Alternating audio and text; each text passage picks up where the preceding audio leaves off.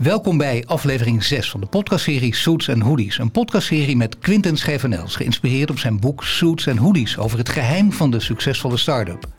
Mijn naam is Paul van Diemt. In de vorige aflevering hadden we het met Quinten over de vierde essential cultuur. En vandaag gaan we het hebben over een essential die zeer in het verlengde van cultuur ligt, namelijk talent. Want inderdaad, ja, veel mensen zeggen dat volgens mij cultuur en talent.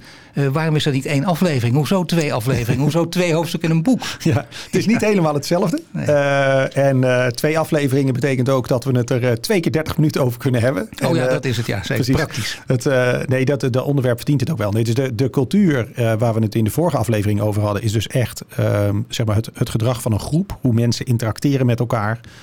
Uh, noem maar op. En talent gaat veel meer over het individu. Dus wat een individuele uh, medewerker, manager, wat die, uh, wat die kan. De skills die die heeft, ervaring die die heeft. Maar ook het potentieel dat iemand heeft. Hè? Hoe die zich de komende maanden, kwartalen, jaren kan gaan ontwikkelen. Dus dat gaat echt over een individu. En als je dus um, zeg maar de juiste mensen, het juiste talent, de juiste individuen bij elkaar hebt. Juiste spelersmateriaal en je zorgt dat die cultuur, de manier hoe ze met elkaar samenspelen, dat dat ook een hele duidelijke manier is. Ja, daar heb je eigenlijk de combinatie van die twee. Maar je geeft wel iets prijs van, van, een definitie bijna. Maar is het belangrijk? Omdat want bij alles zeg je dat. Bij elk onderwerp heel lang daar toch over nadenken. Dus niet uh, ellenlange sessies, uh, geen Poolse landdagen, zo lang niet. Maar wel heel lang over nadenken. Daar niet uh, over één nacht ijs gaan. Dus hier ook niet. Dus ook zorgen dat je een goede definitie van talent hebt. Ja. Nou, daar zijn veel boeken over geschreven. Geef jij maar een mooie definitie. Ja. ja, en dat is dus ook niet... Uh, wat is een beetje gevaarlijk. Hè? Van lang nadenken, dat is natuurlijk ook voor founders. Voelt dat van, oh, lang kost veel tijd, noem maar op. Ja.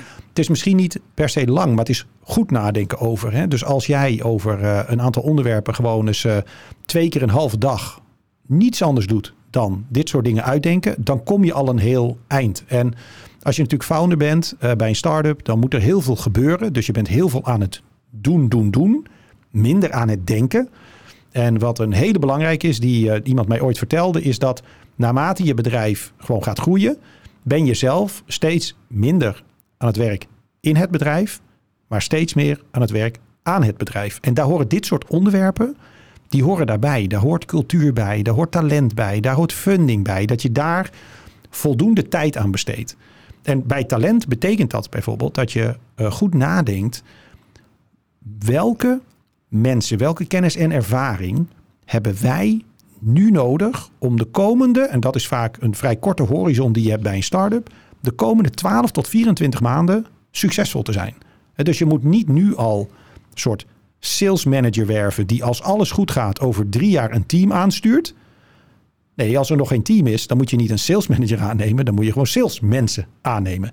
Dus je hebt best een korte horizon waarin je heel duidelijk moet omschrijven kennis, ervaring, skills, welke deliverables verwacht ik van iemand.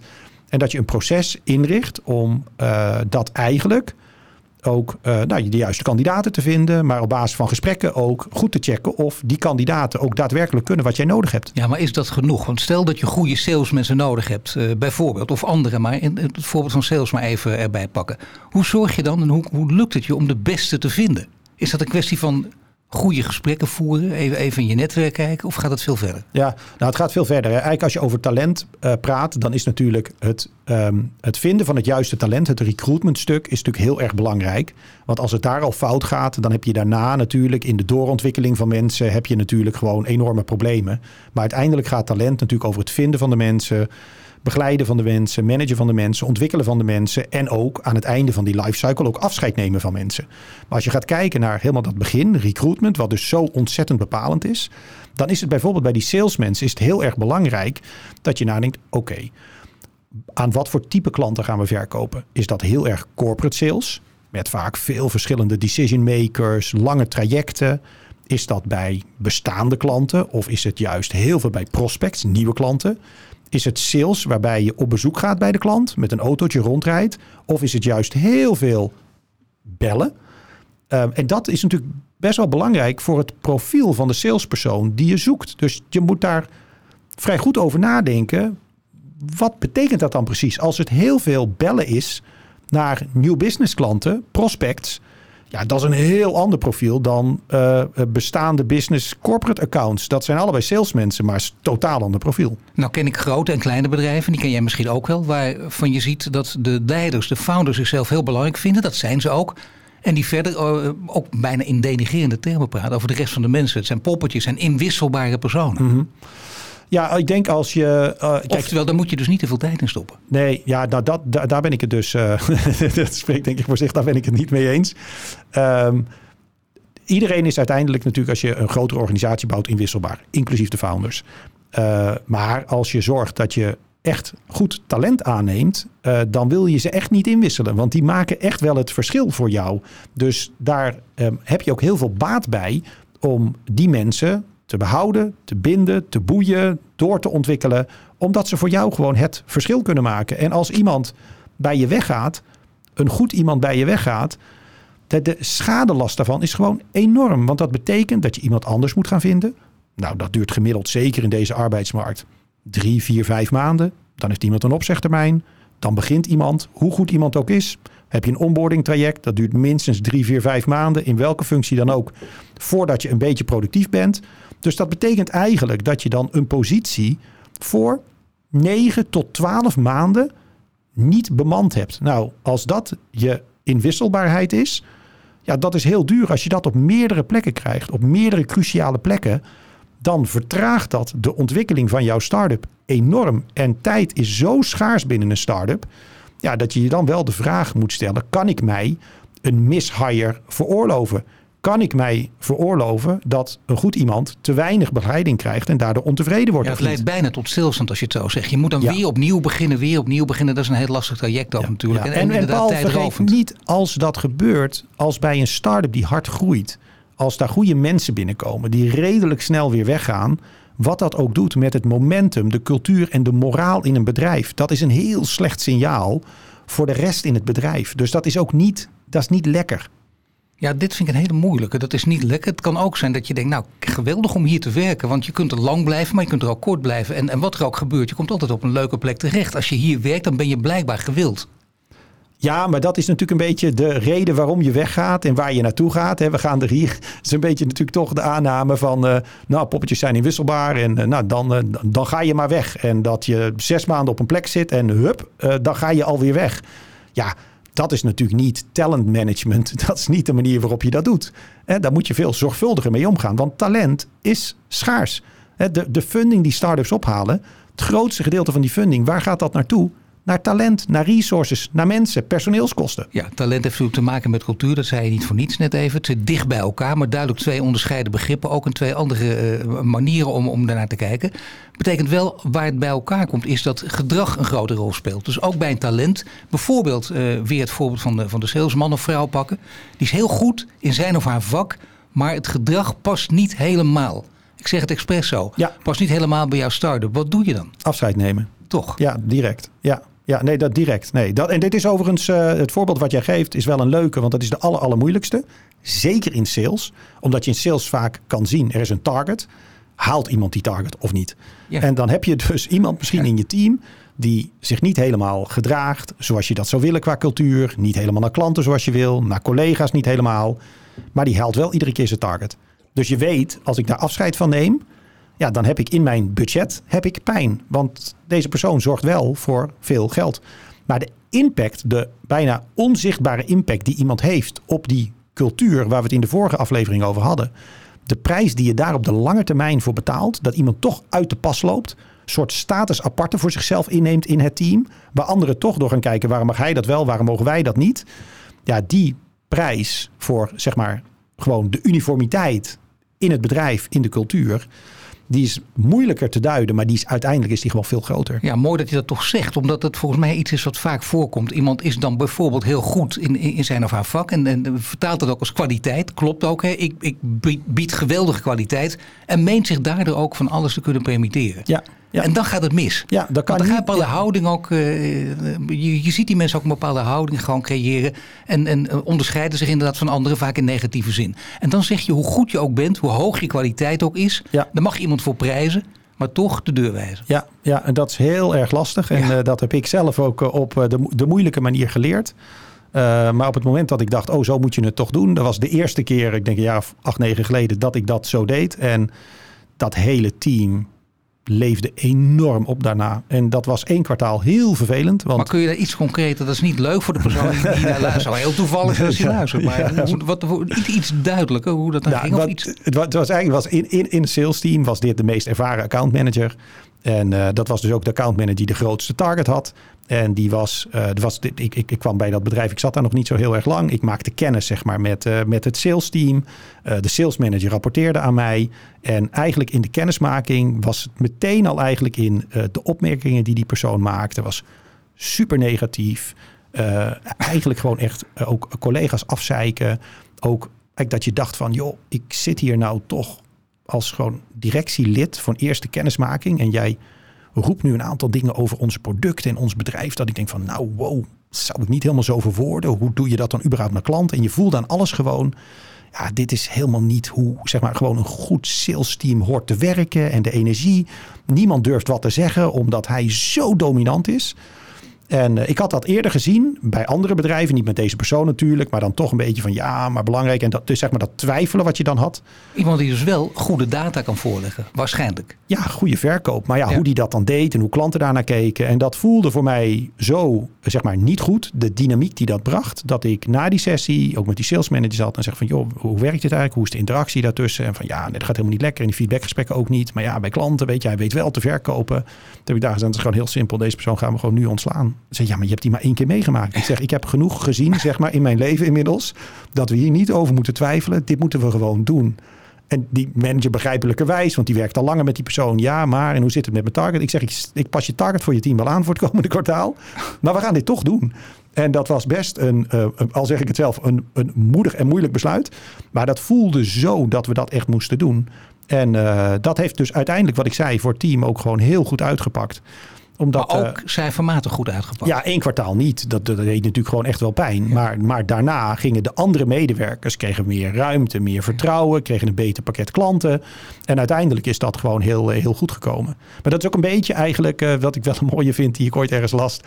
Uh, je moet hire slow, fire fast. En dat is iets wat in de praktijk vaak omgekeerd gebeurt. Dus je hebt een vacature, je hebt heel veel haast, want er zit een, eh, een bureau staat leeg en er moet van alles gebeuren. Uh, dus uh, je wil eigenlijk zo snel mogelijk iemand aannemen. Terwijl je daar juist heel zorgvuldig moet zijn. Van past die persoon wel echt? Kan die dit? Wil die dit? Hoe gaan we dat precies doen? Eerste indruk in een gesprek was goed, maar ik wil hem een tweede keer spreken. Ik wil een referentie inwinnen. Ik wil even dat hij een case doet. Dat ik even goed check van is deze persoon echt zo goed of niet? En dat ik ook even niet alleen naar de positieve dingen kijk, maar toch kritisch doorvraag op de negatieve dingen. Dus vaak wil men dat te snel doen. En dan als het niet helemaal goed werkt, van ja, maar hij kan dit wel goed en we moeten hem nog een kans geven. En dan voor je het weet, blijft iemand heel erg lang zitten of wordt niet aangesproken op zijn gedrag. En dan is juist het afscheid nemen van iemand, gewoon erkennen van jongens, dit is een mismatch, dit gaat niet werken. Dat kan dan heel lang duren. En ja, de, de prijs die je daarvoor betaalt is natuurlijk gigantisch. Ja, en je noemt het dan menselijkheid, maar dat is het uiteindelijk niet. Want iedereen heeft onder te lijden. En de, de, persoon in kwestie zelf ook. Want die, die hou je aan een, aan een touwtje, die blijft ook bungelen. Dat is natuurlijk heel negatief, dat begrijp ik. Maar ook een kunst en kunde om dat goed voor elkaar te krijgen. Ja, ja. Maar is het wel zo? Het is natuurlijk makkelijk gezegd. Uh, van je moet goed de tijd in stoppen. Niet zomaar iemand aannemen. Niet snel even een plek opvullen. Maar goed, in deze tijd van arbeidskrapte. Dit is echt een andere tijd. Ja.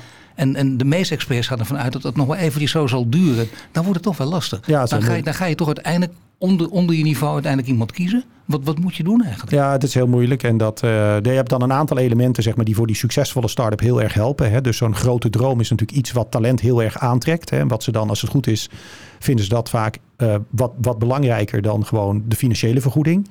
Uh, maar je hebt ook heel vaak bij een start-up heb je natuurlijk toch wat beperkte financiële middelen. Dus je kan soms ook echt niet concurreren met andere bedrijven die veel hogere salarissen bieden. Dus je zal daar ook gewoon wel, wel creatief moeten zijn. Mensen voor je moeten kunnen winnen. Heel erg kunnen uitlichten. Hè, de doorgroeikansen die je hebt. De missie waar we mee bezig zijn. Maar je hebt gelijk, het is een, een enorme war for talent. Uh, nadenken over remote werken bijvoorbeeld. Hè? Ik bedoel, moet het per se iemand zijn die dan ook echt in Nederland woont, Nederland gevestigd is, noem maar op. Of moet je wat creatiever worden, dat het ook prima iemand zou kunnen zijn die misschien uh, de, de performance marketing doet vanuit Mexico.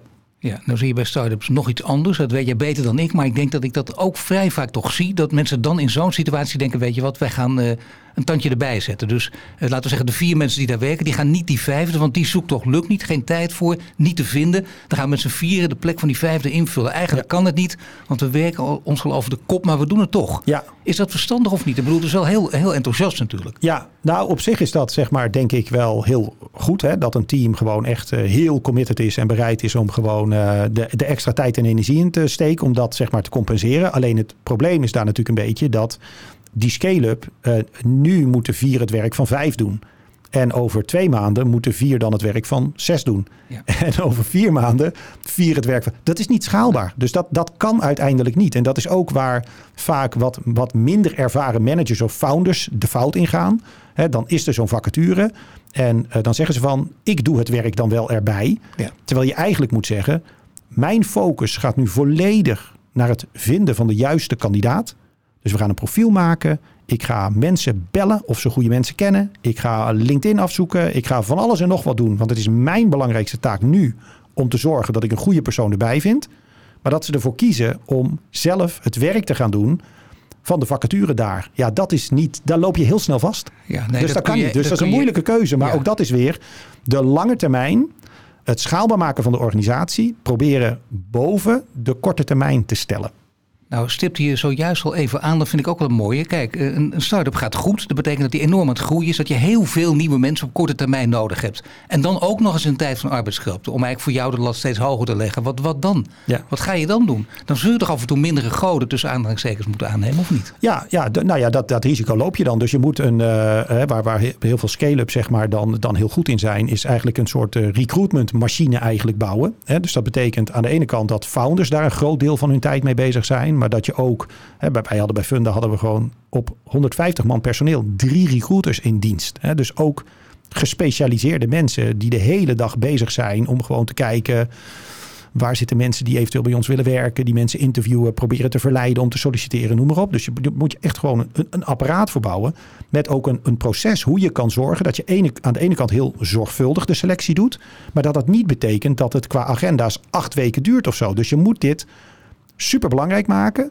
En als je dan af en toe in de haast die je hebt toch een verkeerde persoon hebt aangenomen, ondanks dat je het zorgvuldig hebt gedaan, dat hoeft helemaal niet erg te zijn als je dan maar snel genoeg de conclusie trekt. Proeftijd van twee maanden, einde proeftijd, heel vervelend, dit is niet de match, elkaar hand geven. En dat was het dan. En het voordeel in deze arbeidsmarkt voor degene die daardoor zijn baan verliest, is dat die persoon waarschijnlijk heel snel weer een andere baan vindt. Maar daar geldt dan wel weer, dan moet je dat fire fast doen. Daar moet je dan niet te lang in blijven hangen. Dus je moet het wel zo hebben geregeld dat je dan van al die nieuwe medewerkers aan het einde van de proeftijd goed zit, goede evaluatie doet en heel bewust bepaalt, gaan we met deze persoon verder of niet? En heel vaak zie je in de haast van het groeien dat dat gewoon helemaal niet gebeurt. Dus de proeftijd is in één keer voorbij. Er is helemaal geen evaluatie geweest. Er is helemaal geen feedback geweest. En we gaan gewoon door. Ja, dat is niet. Als je talentmanagement wil doen, zo doe je dat niet. Nee, dat is een hele belangrijke les inderdaad. Maar er is nog een andere les. Namelijk, uh, je moet op een gegeven moment uh, je blik gaan verruimen. Want mensen zijn moeilijk te krijgen. Dan zeg je nou, het cv telt niet alleen. Ik kan talent ergens anders ook ontdekken. Zeggen van mensen, ja dat moet sowieso natuurlijk een rol spelen. Maar dan wijs je ook vaak naar zorg en onderwijs. En neem een operatiezuster die, die een hele andere achtergrond heeft. Maar ja, toch twee linkerhanden, dat is lastig. Of een zij-instromer in het onderwijs. Ja, die blijkt geen pedagogische kwaliteiten te hebben. Wel heel veel mooie verhalen over ervaring. Dat werkt ook in de praktijk niet. Ja. Hoe werkt dat voor een start-up? Hoe breed kun je kijken? Nou, ik denk voor de meeste startups dat je eigenlijk simpelweg niet de tijd hebt om uh, iemand een soort van om te scholen. Dus je, dat, dat is bijna niet te doen. Dus het tempo is zo hoog, je groeit zo snel, dat je echt mensen moet hebben die behoorlijk snel up to speed zijn. Je kan, je kan niet, zoals ik dat ooit bij Randstad zelf had, dat er een soort management trainee klasje is, waar mensen worden klaargestoomd en noem maar op. Eigenlijk bij een start-up is gewoon het management development dat je krijgt is gewoon, je, je wordt in de diepe gegooid. Je mag allerlei dingen doen en proberen die je nergens eerder gedaan hebt. En daar ontwikkel je je van. Dus je moet wel bepaalde dingen echt al kunnen. Een enorme drive hebben om je daar zelf in te verdiepen. Want echt uh, een soort omscholing Ja, dat, dat, dat kan gewoon niet. Maar Daar toch dat echt de tijd en zelf ruimte niet opleiden, dat werkt dus. Dat kan gewoon niet. Of training on the job, wat soms wel kan werken. Maar dat geeft toch natuurlijk heel veel last. Extra tijd moet je er zelf ook in stoppen. Ja, dan moet en je de vraag is maar of het lukt. Ja, dan moet je een bepaalde schaal hebben. Dus dat kan je bij, bij scale-ups van eh 30, 40, 50, 100, 200 man. Kan dat eigenlijk niet. Als je heel veel groter wordt, ja, dan kan je dat wel gaan doen. Hè. Dus bijvoorbeeld zo'n Adyen, Booking, ja, daar zou je dat kunnen doen. Want dat zijn gewoon echt, echt grote bedrijven. Maar heel veel kleiner kan, kan dat eigenlijk eh, niet. Dus je moet, je moet heel eh, creatief zijn in waar je een talent eh, vandaan haalt, waar je ze vindt, waar je ze kan verleiden, naar events toe gaan. en dat is natuurlijk ook waarom heel veel founders van de hele grote techbedrijven in de eerste vijf, zes, zeven jaar van het bestaan van die bedrijven gewoon vaak de helft van hun tijd bezig waren met recruitment. Zelf gewoon een CEO, dat, deed ik bij, VNU Media heel veel. Dan kreeg ik van mijn recruiters een lijstje aangeleverd met mensen die heel goed pasten op functies die wij hadden. Dan stuurde ik zeg maar de mailtjes naar die mensen, omdat het heel anders is. Als de CEO van Funda een mailtje stuurt van joh, we hebben een hele leuke vacature, wil je er eens een kop koffie over drinken? Dan dat een recruiter dat doet. Dus daar ook de, de, de founders, CEO's, die daar zelf een rol in spelen, zelf het verhaal vertellen, kan ook betekenen dat eigenlijk de, de conversie in je recruitment funnel gewoon veel beter wordt. Ja, mooi dat je dit zegt. Want dat is ook een lesje nederigheid misschien voor sommige CEO's en founders. Want die vinden juist, ik heb wel wat belangrijkers aan mijn hoofd. Maar ook dat is dan weer een denkfout, zou jij Ja, zeggen. ja, zeker. Ja, nee, nee, je hebt eh, even, als je heel hard groeit, is talent zo bepalend dat je, eh, ik, ik, ik zou me heel erg bemoeien met, eh, met talent en je leven. Als je zorgt dat je de juiste mensen aan boord haalt en je zorgt dat die mooi, zeg maar qua cultuur, zich met elkaar gedragen. En je geeft ze, waar we het in de volgende aflevering over gaan hebben, de juiste focus mee. Dan is het leven van een CEO of een founder is heel erg lekker. Ja. En dan kom je op een punt dat je denkt, zo, het loopt allemaal vanzelf. Het slechte nieuws is de volgende dag blijkt dat dat toch niet zo is. Maar dan krijg je wel die momenten van waar je weer naar een volgend niveau kan werken met, eh, met je team. Toch moet je dit kunnen, want dit is toch ook weer een vak. Ja. Kan, kan elke CEO, kan elke founder dit? Om, om iemand te doorgronden. Dat is echt een vak, dus heel erg moeilijk volgens mij. Ik, Ja. ik zie de verschillen vaak ook in de praktijk. In het begin denk ik, het valt wel mee. Het is, het is denk ik echt heel lastig. Ja, het is heel moeilijk. Het is heel moeilijk. Dus dit is ook wel iets door, eh, door ervaring kan je dit leren. Wat je dan dus heel vaak ziet, is dat er inderdaad eh, voor bepaalde functies gebruik gemaakt wordt van, door headhunters, werving en selectiebureaus. Waar natuurlijk ook mensen zitten die hier dan gespecialiseerd in zijn. Er zijn ook allerlei tests zeg maar, beschikbaar die je kan gebruiken om in ieder geval te zorgen eh, eh, ja, dat daar standaard een aantal dingen getoetst worden waar jij misschien niet helemaal op let. En ik denk heel belangrijk, zeker met een, een, een start-up die hard groeit, dan komt er op een gegeven moment ook een punt dat je mensen moet gaan aannemen, profielen moet gaan maken voor functies waar het founder team zelf helemaal geen ervaring mee heeft. Dus dat er bijvoorbeeld dan een, eh, de eerste marketing manager moet worden aangenomen, maar geen van de founders heeft überhaupt een achtergrond in marketing. Dan is het al heel erg moeilijk om daar een goed profiel voor te maken. Want ja, welke space is het? Brand marketing, performance marketing, wat bedoel je precies? Laat staan als je dat goede profiel hebt. Ja, welke, welke vragen stel ik dan eigenlijk in een interview? En, en wat voor onboardingprogramma maak ik? En eh, dan zie je eigenlijk de hele goede founder teams onderkennen het belang van talent. Weten hoe belangrijk recruitment is. En die zoeken dan gewoon in hun netwerk. Kunnen soms mentoren zijn, eh, de buurman. Die wel ervaring hebben in dat vakgebied. En die vragen dan eigenlijk: Goh, we hebben een marketingmanager nodig, maar we zijn een beetje aan het worstelen. Hoe ziet dat profiel precies eruit? En die gaan eigenlijk, gaan die net zoals je je product kan valideren bij potentiële klanten, kan je hier ook gewoon naar mensen toe gaan en vragen: wil je eens met me meedenken? Hoe ziet zo'n profiel eigenlijk eruit? Waar moet ik dan op letten? En dat is gewoon altijd. Er zijn heel veel mensen die heel graag willen helpen. Dus zoek dan, als je het niet weet, ehm, ga dan gewoon op zoek naar hulp. Nu zeg je zelf wel, eh, het is ook heel belangrijk om fouten te maken. En eh, dat is goed als je maar niet steeds eh, de- dezelfde fout maakt. Dat is duidelijk. ja. Nou, je hebt zelf net een voorbeeld gegeven van hoe dat tot een opluchting in een team kan leiden. Als je de juiste persoon eruit gooit, om het maar even plat te zeggen. Ja. Maar je hebt misschien ook dus de fout gemaakt waar je van geleerd hebt dat je een totaal verkeerde persoon hebt aangenomen. Ja. Ja, dat gebeurt helaas ook wel eens. Ja, ja nee, dus ik heb bijvoorbeeld, wat ik me nog goed herinner, dat was eigenlijk de eerste keer dat ik eh, eh, zeg maar echt eh, technische mensen onder mij kreeg. Dus ik had een, een groot eh, technisch team, development team bij, bij de Telegraaf. En ja, eigenlijk, ik heb helemaal geen achtergrond als programmeur. Dus backend, frontend, QA. Ik had eigenlijk geen idee waar het over ging. En als je dan bijvoorbeeld een, een lead engineer moet aannemen... of je moet een CTO aannemen... ja, dan weet je eigenlijk helemaal niet zo goed waar je op moet letten. Nou, toch nam ik een CTO aan. een beetje van, ja, ik kan toch niet zeggen dat ik niet weet wat een CTO moet doen en zo. Want ik ben de CEO van dit bedrijfsonderdeel. Ik hoor dat toch te weten. Ja. Dus ja, eigenlijk gewoon onzekerheid over dat onderwerp.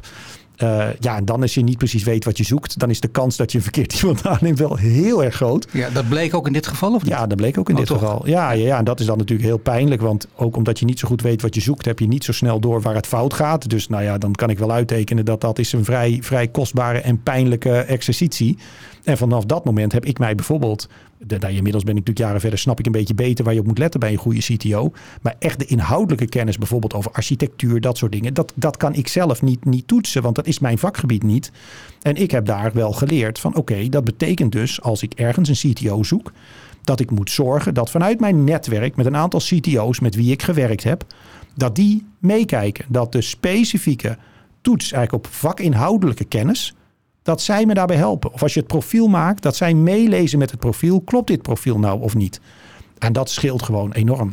En als je iemand gaat aannemen die, waarvan je weet dat de vakinhoudelijke kennis uh, die ook, ook bij jou uh, bekend is. Je weet wat je nodig hebt. En je weet dat gedrag belangrijk is. Dan ken ik headhunters die zeggen. Je moet altijd. Hoe, want je zei zelf ook, dat is belangrijk. Hè, zo iemand. Je moet er echt de tijd in stoppen. Dus drie gesprekken. Dat wil zeggen. één keer gewoon uh, op het werk.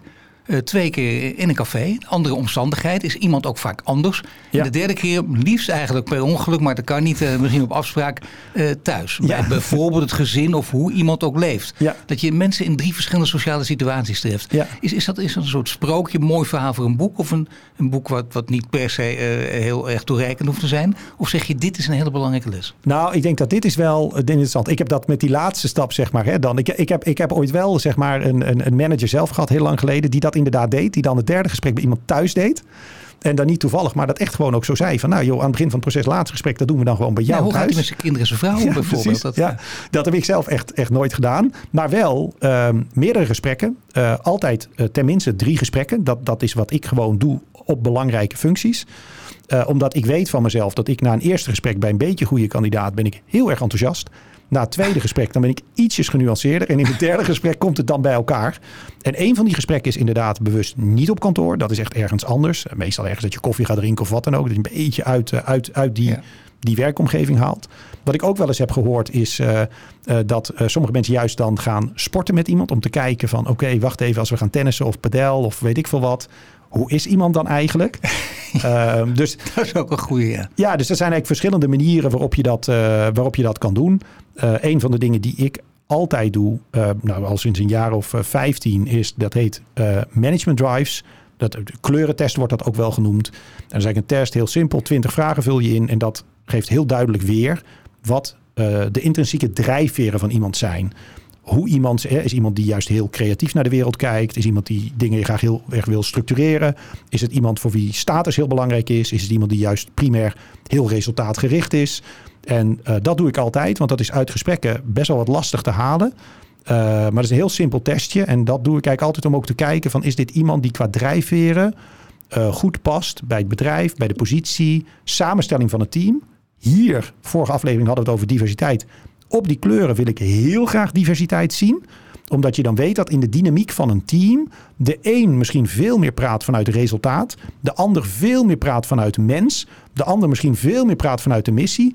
En daar is diversiteit heel erg waardevol. Ja, het zijn volgens mij adequate testen. Dat hoor ik de laatste tijd ook wel vaker. Soms wordt het in groepen ook gedaan, dat mensen van elkaar weten. Dat mag ook natuurlijk. Ja. Weet jij het van jezelf ook? Ja, je, zeker. Heb je die test gedaan? Ja, ja, ja nou, ik heb die testen. in spanning. Nee, nee, ik heb die testen meerdere keren gedaan en heb er ook helemaal geen probleem mee dan zeg maar in, in mijn team dat ik ook gewoon deel van hè, waar, waar wel mijn drijfveer zit en niet. Ik zit heel erg aan de, de, zeg maar, de oranje kant, dus dat is resultaatgericht. Daar zit behoorlijk veel geel bij. Geel is wel, het moet ergens over gaan en waarom doen we de dingen die we doen, eh, noem maar op. En rood, en dat is tempo. En ik weet van mezelf dat ik dus minder zit op blauw, wat heel erg gaat over structuur, processen. En het risico loopt dat soms mijn groen, de menskant, wat minder is. Dus ik weet ook in de samenstelling van de teams waarin ik lekker werk, dat ik ook moet zorgen dat ik altijd resultaatgerichte mensen heb. Want anders vind ik het niet lekker. Dat werkt niet goed bij mij. Maar resultaatgerichte mensen die dan bijvoorbeeld wat meer zitten aan de kant van structuur. Of wat meer zitten aan de kant van mens, samen, communicatie. En als je dat van elkaar weet, dan kan je ook elkaars kracht daar benutten. Nou, dit leidt tot veel zelfinzicht. Geweldig dat je daar zo open over bent. Want dat zijn de meeste mensen niet, is mijn ervaring. Maar dat betekent wel, zo wil je dat van anderen natuurlijk ook weten. Want als je dat zo, dan heb je ook echt duidelijk aangegeven hoe je over jezelf hebt nagedacht. Dat je dat weet ook. Ja, ieder founder team zou ik sowieso aanraden, als je dat nog nooit gedaan hebt, dat, om dat gewoon te doen. Dat is een absolute no-brainer. Dat is zo waardevol om te doen. En dan nu de bel, hè? Want ja. uh, over waardevol gesproken, ja, er zijn natuurlijk nog een paar hele mooie tips die je kunt geven. Over wat kunnen mensen lezen, luisteren, uh, horen ook. Ja, ja, hij staat eigenlijk niet op mijn lijstje hier, maar we hebben het nu gehad over dat management drives. Nou, daar zijn ook allerlei boeken over verschenen, dus daar kan je dan zeker, zeker naar kijken. Dat is een hele leuke. Het is een heel goed boek verschenen over, over, over, Google. Het boek heet How Google Works. onder andere geschreven door Eric Schmid, die natuurlijk heel lang daar de CEO is geweest. En dat gaat er eigenlijk vooral over niet hoe Google werkte, zeg maar technisch gezien, maar wel eigenlijk de enorme talentfabriek die Google is. Hoe ze hun recruitment doen, hoe ze mensen als ze er eenmaal zitten behouden, maximaal willen stimuleren. Heel praktisch boek vond ik echt. Uh, ja, het is indrukwekkend wat voor systeem en machine ze daar eigenlijk van gemaakt hebben. Echt ongelooflijk knap. Uh, Malcolm Gladwell hebben we eerder ook al een keer bij een boekentip gehad. Ja. Outliers, erg interessant boek over uitblinkers is zeg maar hè, de, de Nederlandse vertaling daarvan. Hè, wat maakt nou dat uh, sommige mensen uitblinken in iets en anderen dat minder hebben? Uh, hele grappige, dat is eigenlijk een soort contradictie op, op deze essential. Boek Talent is Overrated van Geoffrey Colvin. Uh, dat is eigenlijk een soort tegenbalans van ja, het gaat niet alleen maar om talent. Uh, er zijn ook andere dingen die een rol spelen. Nou, dat is op zich. Nou, lekker ook in deze aflevering. Ja, ja. En de laatste, maar dat is meer een, een, een model. Uh, dat, dat model heet de Nine Box Grid. En dat is een, een hele nuttige tool die je eigenlijk kan gebruiken om als je bedrijf wat, wat groter is, 30, 40, 50, 60, 70 man, om een soort vlootschouw te doen. Dus gewoon eens een keer met het founder team of het management team te zitten. En uh, de mensen eigenlijk te gaan indelen in aan de ene kant het talent dat ze hebben. En aan de andere kant de performance die ze leveren. Zodat je een heel goed beeld krijgt van hoe ziet onze talentpopulatie er eigenlijk uit. Op verschillende afdelingen hebben we ergens juist heel veel talent zitten, waar een aantal mensen op korte termijn moeten doorgroeien. Maar kunnen we ze dat wel bieden of niet? Komen we op een andere afdeling talent tekort? En dat geeft hele goede discussies met elkaar. En dat is een tool die wij bijvoorbeeld bij, uh, bij Funda echt ieder jaar deden we gewoon de vlootschouw over iedereen in het bedrijf. En op basis daarvan kon je dus ook ontwikkelplannen maken, kijken waar we teams moesten versterken. En dat is zeg maar hele goede discussies.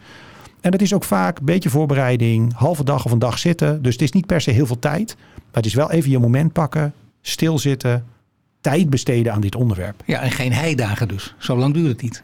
Nee, dat hoeft helemaal niet. Ja, en op zich er is met heidagen niks mis om gewoon ergens nee. op een leuke locatie waar je s'avonds lekker kan eten of misschien in het bos kan wandelen. Maar je bedoelt, die kan het ook op kantoor doen. Oké, okay, dank je Quinten. Dit was aflevering 6 uit de podcastserie Suits and Hoodies, waarin we het hadden over de essential talent.